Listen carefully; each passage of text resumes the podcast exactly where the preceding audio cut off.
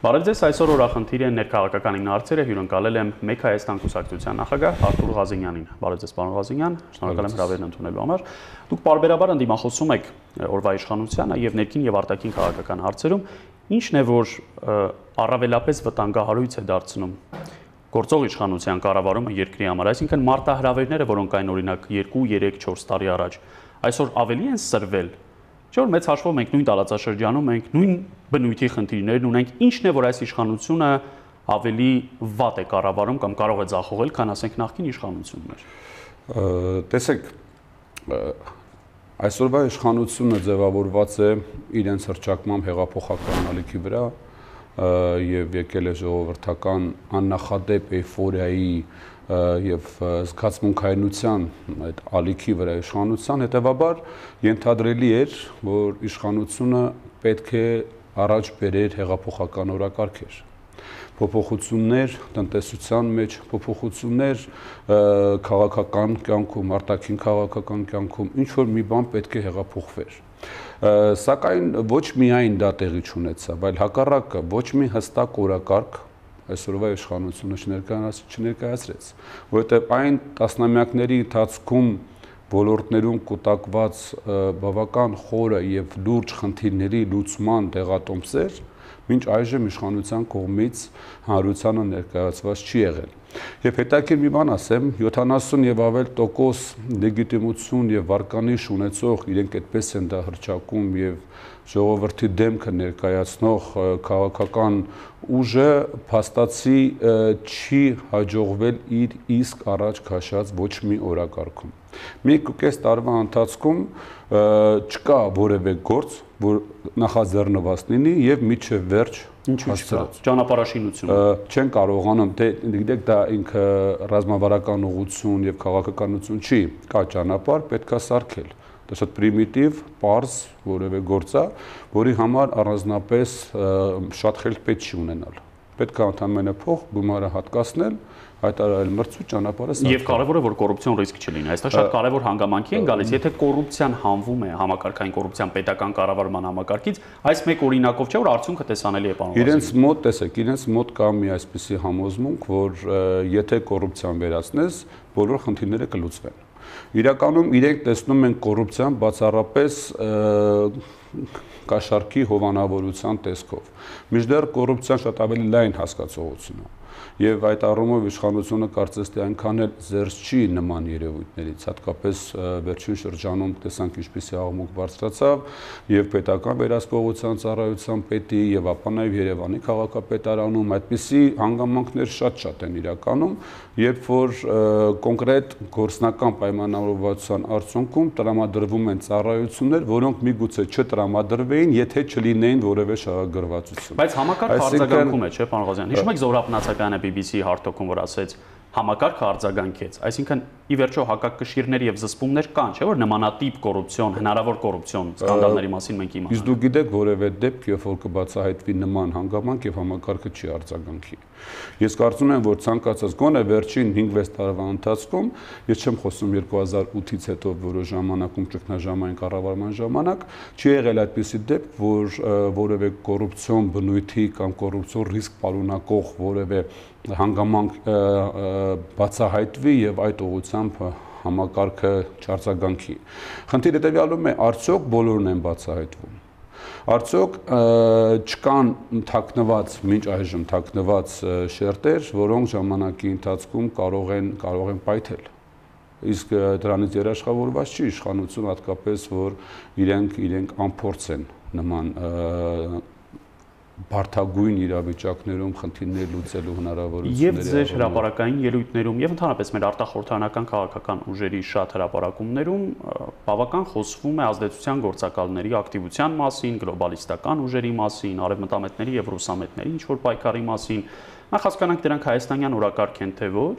կապ ունեն մեր հայաստանակենտրոնության գաղափարի հետ, ինչպես հենց դուք եք հրճակում, եւ երկրորդ ի վերջո չէ որ այդ պայքարը միշտ եղել է։ Այդ մարգինալ խմբակները միշտ եղել են Հայաստանում, սորոսականները նախկին իշխանության օրոքել են եղել, 2000-ականների սկզբից 90-ականների վերջից դրանք ակտիվ գործունեություն են ծավալել Հայաստանում։ Ինչն է որ նրանց ներկայությունը այսօր հայաստանյան հասարակական քաղաքական կյանքում առավել վտանգավոր է դարձնում իշխանության օրակարգը կամ մեր կյանքը ի՞նչն է։ Ու ես չէի ասի, որ իրենց իրենց ներկայությունը վտանգավոր է դարձնում իշխանության կյանքը, միգուցե հակառակը նաև հիմք է հանդիսանում իշխանության ամրության համար, որովհետև այնինչ տեղի ունեցավ 18 թվականի ապրիլ եւ մայիս ամիսների ընթացքում, որը կոչվում է հեղափոխություն, իրականում դա իշխանապողություն էր, միգուցե կա նաև այլ ձևակերպումներ,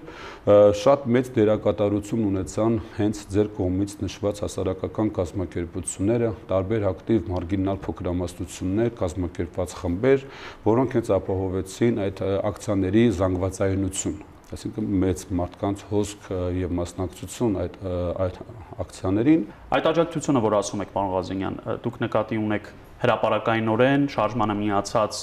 ՀԿ-ները, որոնք հարյուրավոր էին կամ հազարավոր, թե ինչ որ ներքին process է ծավալվել, որի մասին մենք երբ որ սկսվեց կար երկու հիմնական կոմպոնենտ՝ քայլը, իմ քայլը եւ մերժիր Սերժին։ Հիշում եք այդ մերժիր Սերժի նախաձեռնությունը ինքը ամբողջությամբ հիմնված էր այ իմ կողմից նշված հասարակական կազմակերպությունների եւ նրանց կողմից եւ այդ հիմնադրամների կողմից ֆինանսավորվող կազմակերպված փոքրամասնությունների Արմեն Գրիգորյան, Դավիթ Սանասարյան նրանք էին ոնց որ թե ներկայանում, բայց իրականում իրենց տակ բավական լուրջ ռեսուրս կար դրված, որը տասնամյակների ընթացքում բավական մեծ ցանց էր ձևավորել Հայաստանում, ազդեցության բավական լուրջ ցանց էր։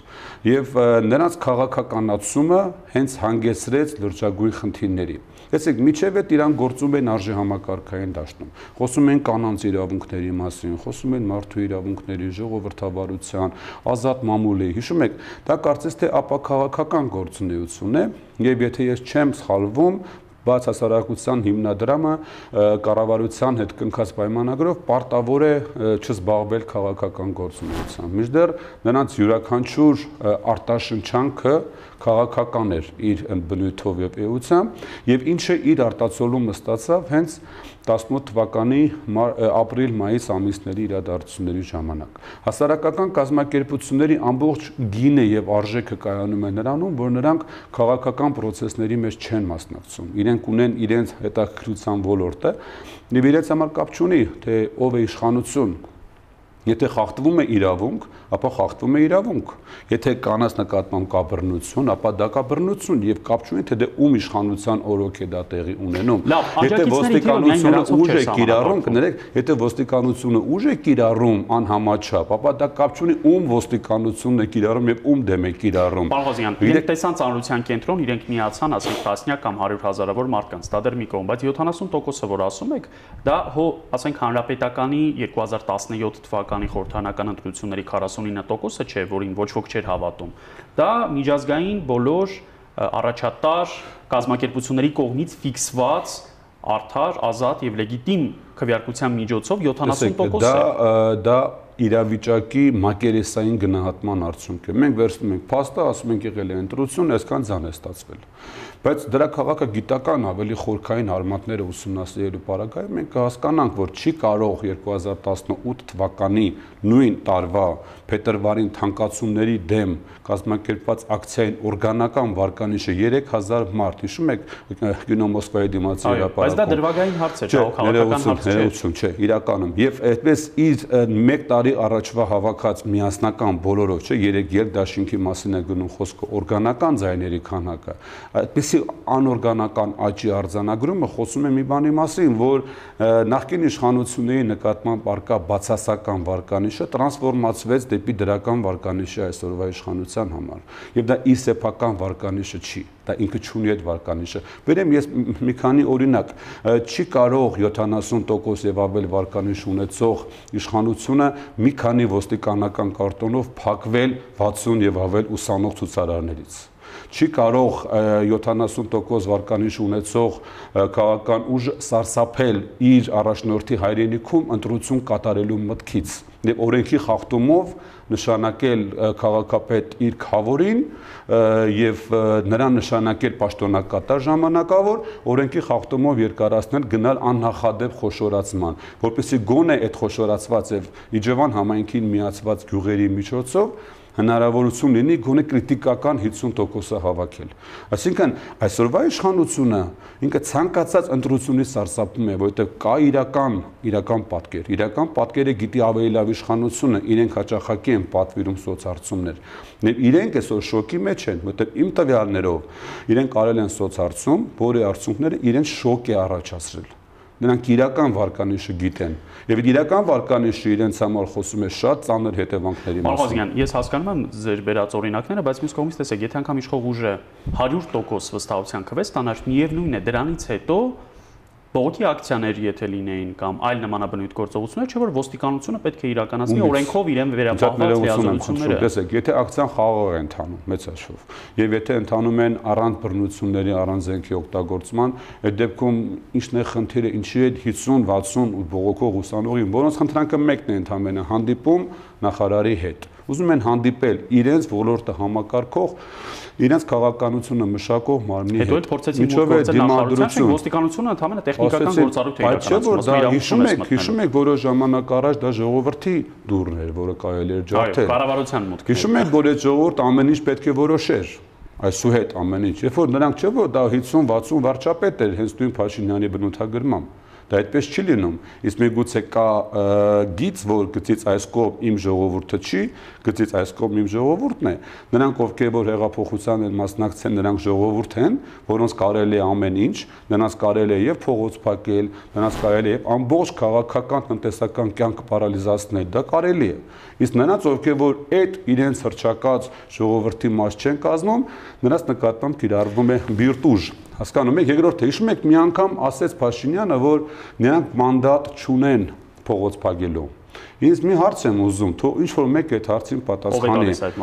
Որ կազմակերպությունն է տալիս մանդատ եւ ասում դու իրավունք ունես փողոց փակելու։ Միգուցե խնդրենք ուսանողներին գնան այդ շահերի մեջ տեղավորվեն, պայմանավորվեն եւ նրանցից ստանան մանդատը իրավունք ունենան։ Դուք կարծում եք մենք այդ նաեւ ամուրսալի թնջուկն է լուծվելու։ Դարձյալ այսինքն փողոցային։ Տեսեք, նորից էլի մենք հանգում ենք 70 եւ ավել տոկոսանոց լեգիտիմություն ու վարկանիշ ունեցող իշխանությունը նման հարցերում չի հապաղում Չէ որ իրան տրված է այդ մանդատը գնալ, բացել եւ աշխատել։ Ինչն է խնդիրը։ Ինչի չի արվում դա։ Խոսում են Ստամբուլյան կոնվենցիայի մասին։ Չի լինում չկա այդպիսի բան։ Իշխանությունը միշտ չի որ գործում է ժողովրդահաճո միջավայրում իշխանությունը պետք է նաև անի քայլեր, որոնք պետք են պետությանը, բայց միգուցե հաճելի չլինեն սովորական մարդկանց, իհարկե պոպուլյար չեն։ Եվ ինչի համար է տրվում քաղաքական իշխանությանը, իշխանության գալու առաջին ժամանակաշրջանում առաջնային բարձր վարկանիշ, որպեսզի դա օգտագործի նա եւ իրականացնի ոչ պոպուլյար բարեփոխումներ, որոնք անհրաժեշտ են հենց այդ նույն մարդկանց կյանքը ավելի լավացնելու համար։ Հանրակրվեի մասին կամ ժողովրդի կարծիքը հասցնելու մասին ոչ մեկ անգամ վարչապետը խոսել է նաև Ղարաբաղյան հակամարտության կոնտեքստում։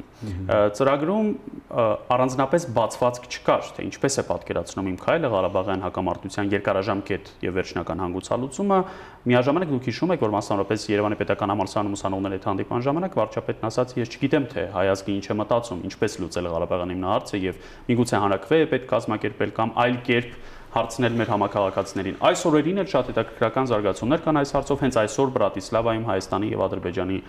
արտգործնախարարներն են հանդիպում Լավրովը նախորդային Բաքվում էր հետաքրքրական հայտարարություն արեց. Այստեղ կա մեզ համար հետաքրքրական զարգացում, որից մենք տեղյակ չենք, իշխանությունը մեզ չի տեղեկացրել։ Այսօր մեզ համար կա ռիսկային զարգացում։ Հետաքրքրությունը չգիտեմ որտեղ կարելի է գտնել, բայց որ այսօր ռիսկեր է առաջացնում Հայաստանի արտաքին քաղաքականությունը, հատկապես Արցախի հարցում Փաշինյանի այս վերջին տարիուկես ժամանակահատվածում որթեգրած մեղմ ասած անհասկանալի եւ անընդունելի քաղաքականությունը, դա լրջագույն ռիսկեր է առաջացնում։ Հիմա ասեմ ինչի, որովհետեւ հակասական ձևակերպումները եւ արտահայտումները Արցախյան հակամարտության կարգավորման գործում խճճում են եւ ներսում Հայաստանում եւ նաեւ միջնորդներին։ Նրանք չգիտեն, որ որ դիրքորոշումը ելակետային վերցնել, որ Արցախը պետք է ինքնուրույն բանակցի եւ կողմ դառնա, թե Արցախը Հայաստան է եւ վերջ։ Թե ի վերջո լուծում, որը երեք կողմերի ժողովուրդներին երեք կողմերի ժողովուրդներին դա իմ համար ամենապարադոքսալ հայտարարությունն է, որ կարող էր անել Հայաստանի իշխանությունը։ Դե դա բարի ժեստ է։ Բարի ժեստ չկա այստեղ։ Ես այդ դեպքում մի հարց եմ ես ուզում տալ, եթե ինչ որ մեկը համարցակություն կունենա այդ հարցին պատասխանելու, ես կիմանամ, որ այսօր մենք ունենք Հայաստանում հանձնառու իշխանություն։ Ինչ է պատրաստ զիջել Փաշինյանը, Հայաստանը Ադրբեջանի ժողովրդի համար այդ որոշումը ընդունելի դարձնելու համար։ Վարչապետ ասում է նախ Ալիևը հաստատի, որ ինքն էլ է ինքը ասել է արդեն, որ պետք է բավարար նշանակում է պատրաստ է ինչ-որ բան տալ, որպեսզի բավարարի։ Տեղյակ է արդյոք Ադրբեջանի ժողովրդի իր ասած հիմնականում այդ ինքը փորձում է զրուցել ցանկություններից։ Նրանք ինչ են ակնկալում։ Ակնկալում են ամբողջը եւ հիմա։ Նրանք ուզում են ամբողջ Արցախը եւ հիմա Պարոն Փաշինյան, ինչ ես պատրաստ առաջարկել, որպեսզի բավարարես Ադրբեջանի ժողովրդի ցանկությունը կամ առասարակ ինչ գործիքակազմ է օգտագործվելու Ադրբեջանի ժողովրդի հետ երկխոսությունը կազմակերպելու համար։ Մի բան էլ սա հետ կապված։ Միջնորդների մոտ տպավորություն կա, հատկապես Ռուսաստան, դե գիտեք, միակ Մինսկի խմբի համանախագահների, որ Հայաստանի իշխանությունը ստացել է բացարձակ մանդատ Արցախի հարցում ինչ որ որոշում կայացնելու։ Բոլթոնը այդ մասին անցած տարեվերջին ասաց։ Չունի այդպիսի մանդատ այսօրվա իշխանությունը, որովհետև ոչ նախընտրական ծրագրում, ոչ նախընտրական քարոզարշավում Արցախի կարգավորման հարցում մեկ ելակետային տվյալ ներկայացված չի եղել։ Քվեարկությունը, որ մարդիկ գնացել քվեարկել են, նրան մանդատ չեն տվել Արցախի հարցում որոշում կայացնելու դե նա չի ասել ինչ է պատրաստվում անել Արցախի հարցում։ Եթե հիշում եք երկու երկրների անվտանգության խորհուրդների համատեղ նիստում ասեց, որ ինքը ներկայացրել է իր տեսլականը։ Իսկ դուք վստահ եք, որ առհասարակ կա այդպիսի տեսլական եթե կապա ինչն է գախտի պահվում։ Մենք դու տեսլական ենք իմացել, պարոն Վազգենյան, ոչ Ռոբերտ Քոչարյանի, ոչ Սերժ Սարգսյանի, միայն Տեր-Պետրոսյանի տեսլականը։ Գոնե մի ելակետային տվյալ կա, Ադրբեջանը, Արցախը չի լինելու Ադրբեջանի կազմում։ Գոնե այդ մեկը հստակ է։ Գոնե մենք գիտենք, ոչ մի կարմիր գիծ է, որից են կողմ նախկին իշխանությունները չէին ասի, իրենց բոլոր բացասական գծերով, իրենց բոլոր խնդիրներով ու բոլոր մեղքերով։ Գոնե այդ մի հարցում մենք հանգիստ ենք, գիտենք Արցախում, նրանք որևէ հակահայկական, հակարցախյան որևէ գործողություն նրանք չեն անի բան է բայց երբ որ մենք նայում ենք այդ ամբողջ քրոնոլոգիան այս սկսած 2018 թվականի մայիսի 8-ից մինչև այսօր, ինչպիսի հետևողական քաղաքականություն է իրականացվում Արցախյան գոյամարտի արժեզրկման, հեղինակազրկման եւ սննկացման։ Լավ, վարչապետ Փաշինյանը չի ասում Արցախը երբեք չի լինելու Ադրբեջանի կազմում, բայց միաժամանակ, չէ,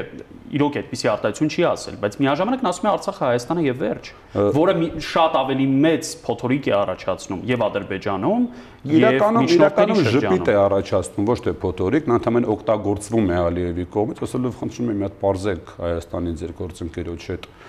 նա ինչ էր ի նկատի ունենում ասելով Արցախը Հայաստանը եւ վերջ եւ այստեղ բավական դժվար վիճակում է հայտնվում Փաշինյանը ստիպված ասա որ դա ամենը ուղղված է ներքին լսարանին դա կապ չուներ Արցախի Արցախի բանակցային գործընթացին այսինքն գիտեք երբ որ ինչ որ բան խոսում ես դու պետության ղեկավար ես պետք է ի նկատի ունենաս որ քեզ բացի այդ հրաապարակում կանգնած ժողովրդից որոնք այդ պահին քեզ կծափահարեն լսում են նաեւ Հայաստանի սահմաններից դուրս եւ յուրաքանչյուր քո արտահայտած միտքը ինչքան է որ դա քեզ հաճելի է, որքան դա թերթերում եւ ասենք Facebook-ում շատ լայք կա հավաքի, ինչին որ ուղված այսօրվա իշխանությունը իր հիմնական նպատակը Facebook-ում լայքեր հավաքելն է ամբովանդակ մտքերի, այսպես այդ հորձումը իրենց մոտից։ Նրանք պետք է պատասխանատվություն կրեն ասած մտքի համար։ Հիմա Արցախը ինքնուրույն բանակցային կողմ է դառնում, Եթե դառնում է, ապա ինքը չի դառնում Հայաստանը եւ վերջ։ Չի լինում, այդ երկուսը անհամատեղելի են իրար հետ, հասկանում եք։ Էությամբ, պատմությամբ, արժեքներով խոսքը այդ մասին է, բարձր որ Հայաստանի Հանրապետության մաս չի դառնում։ Շատ ներողություն, այդ իսկ կա որևէ մեկը, որ այդպես չի կարծում կա որևէ հայ դուք կգտնեք աշխարհում, որ կասի, որ Արցախը դա Հայաստանը չի։ Բայց այսինքն մենք ինչ ենք ասել, մենք փորձում ենք հրաապարակում հայտարարենք եւ հաստատենք մի բան, որը ամբողջ Հայաստանը գիտի եւ ամեն մեկի սրտի մեջ դա պահած է ինչի մասին է խոսքը պրագմատիկ ռեալ պոլիտիկի տեսանկյունից անել հայտարարություններ, որոնց համար հետո պետք է դժվարությամբ պատասխան տաս, նաև միջնորդներին, չէ՞ որ գնում է բանակցային գործընթաց, չէ՞ որ Միսկի խմբի համանախագահները աշխարհի գերհզոր կենտրոններն են եւ նրանց մոտ այդպիսի խաղեր չի անցնում։ Նրանք իրենց դիրքորոշումները հստակ ունեն։ Դուք գրառում արեցիք վերջերս պնդելով, որ նաեւ վարչապետի որոշ այցեր են զբոսաշրջային բնույթի եղել, այսինքն ի վերջո արտաքին քաղաքականության ամենաբարձր մակարդակում մենք չենք հաջողում, չենք ստանում ամենաբարձր մակարդակի հանդիպումներ, չենք կնքում հուշագրեր, սա խնդրահարույց է։ Տեսեք, երբ որ նույնիսկ 20-20 օքանոց, եթե չեմ սխալվում, բավական պատկառելի, եթե դուք խոսում եք իհարկե Իտալիայի հանրապետություն, բայց ոչ միայն, այլ Միացյալ Նահանգներ, մի քանի այլ երկրներ։ Ախր ոնց ես ներկայ ներկայացնեմ արտաքին քաղաքականությունն այսօրվա իշխանությունների համար դարձել է զբոսաշրջային ինչ ուղևորությունների մի հնարավորություն Դուք որ տեսնեք թե պետական բյուջեից ինչ միջոցներ են ծախսվում խորհրդարանում, հատկապես խորհրդարանում եւ գործողումների բյուջեն ահավոր է աճել, եւ եթե ինչ-որ մեկը հաշվետվություն ներկայացնի թե այդ գործողումների արդյունքում ինչպիսի շոշափելի եւ հայկական շահի համար ինչպիսի կարևոր արդյունք է արձանագրվել 0 Ինչի, երբ որ պետության ղեկավարը 18-ից 20 հոգանոց պատվիրակությամբ կազմակերպում է պաշտոնական այց որևէ պետություն, ապա պետք է գոնե ակնկալվի, որ պատվիրակության մեջ գտնվող նախարարները իրենց ոլորտներում իրենց ոլորտի նախարարները կնքեն գոնե հուշագրեր։ Լավ, դա էլ չեղավ, գոնե թող լինի մի հատ ինչ-որ մի պայմանավորվածություն մե ներդրումային ծրագրի, մի ինչ-որ բանի մասին։ Այլապես ստացվում է, որ ինչ որ դա եղել է ինքնանպատակ։ Ինչ է ձեռք բերվել դրա արդյունքում։ Եթե Փաշինյանը պետքա եթե այդքան թափանցիկ է, այդքան ժողովրդական է եւ այդքան բաց է հասարակության առաջ, թողա այդ արարի մամուլի ասոլից եւ ներկայացնի հաշվետվություն, թե այդ մեծ է 4-5 օրանոց, թե 3-4 օրանոց, 18 հոկանոց մեծ պատվիրակությունը ինչի համար է արվել։ Միգուցե արդյունքները մենք հետո կտեսնենք, պարոն Ղազարյան, մեկ օրում կամ մեկ ամսում ոչ չենք տեսնի այդ ներդրումները։ որ մենք ձեռք ենք բերել այս պայմանավորվածությունները, մենք դա կունենանք այս ժամանակահատվածում, մենք այն համբերատար կսպասենք, որտեղ բոլորս ենք ուզում որ լինի այն ինչը որ ինքը կասի։ Բայց քանի որ չի ասի, կներեք, ինքը պետք է այս պահին գոնե հանդես գա հաշվետվությամբ եւ ասի կատարված ծախսը եւ դրա արդյունքում ստացված արդյունքը ինչքանով են համաչափ։ Ըստ դրա գնահատվի վատնում է եղել բյուջեի, թե եղել է իրականում 2018-ին դուք հիշում եք, որ փոխվարչապետները Արարատ Միրզոյանը եւ Տիգրան Ավինյանը եւ Միացյալ Նահանգներում եւ Եվրոպայում մի քանի խոշոր ընկերությունների հետ մի քանի 100 միլիոն դոլարի գումարային ծավալով ներդրումների պայմանավորվածություն ձեռք բերեցին, ցավոք այդ պայմանավորվածությունները չեն իրականացել։ Ոնց ձեզ ներկայացնեմ, ուրեմն հետաքրքիր բան, երբ որ գնում ես Միացյալ Նահանգներ ՄԱԿ-ի գլխավոր ասամբլեային, դու չես կարող ձերքի հետ մտնել Վաշինգտոն, տեսնել ինչ կա այնտեղ։ Դա դա չի ընդունվում։ Երբ որ իշխանության է գտնվում հանրապետական Տրամփը, չի կարելի դեմոկրատ կոնգրեսմեններին խնդրել, որպեսզի նրանք նամակ գրեն, որպեսզի Տրամփը հանդիպի Փաշինյանի հետ։ Դա դա, ծիծաղ առաջացնում։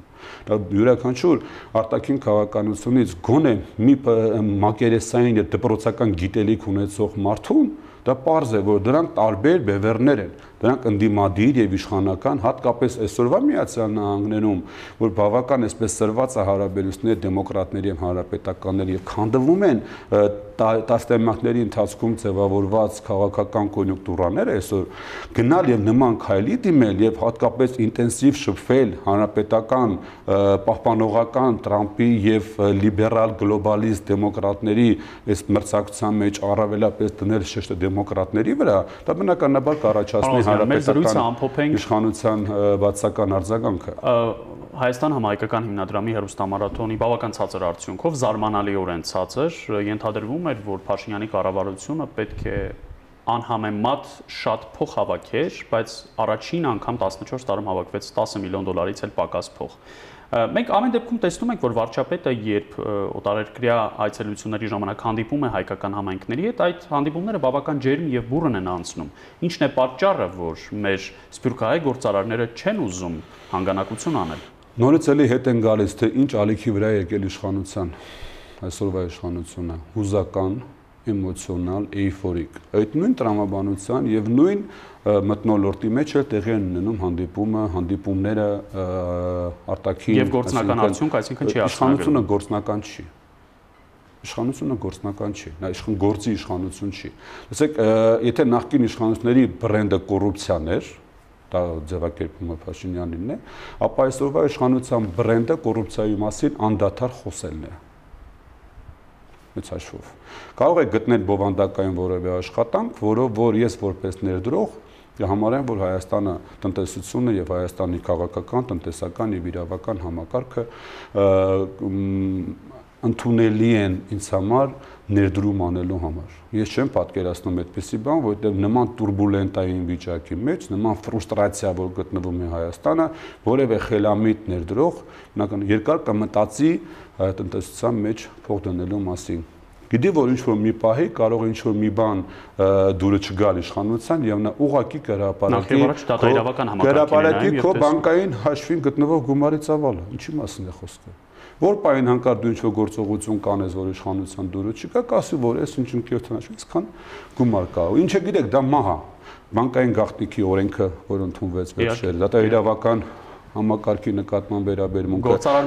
Ուրիշ բան ասեմ, երբ պետության ղեկավարը խոսում է դատարանների ցածր վստահության մասին, պետության ղեկավարը, որը պատասխանատու է դատական իշխանության արդյունավետ աշխատանքի համար, դա ներդրողի համար ազդակ է, որ հերրու մնացեք Հայաստանից։ Դուք այստեղ ձեր իրավունքները չեք կարող պաշտպանելու։ Իսկ դատարանը եթե չպաշտպանեց, ներդրողը ուղակի քթեքի երես է գնալ ռիվոլյուշ ուղությամբ։ Ժամանակը սպառվեց, շնորհակալ եմ զրույցի համար։ Այսօր օրախնդրի ներկայացական հարցերը հյուրընկալել էի Մեկ Հայաստան կուսակցության նախագահ Արթուր Ղազենյանին։ Հաջողություն։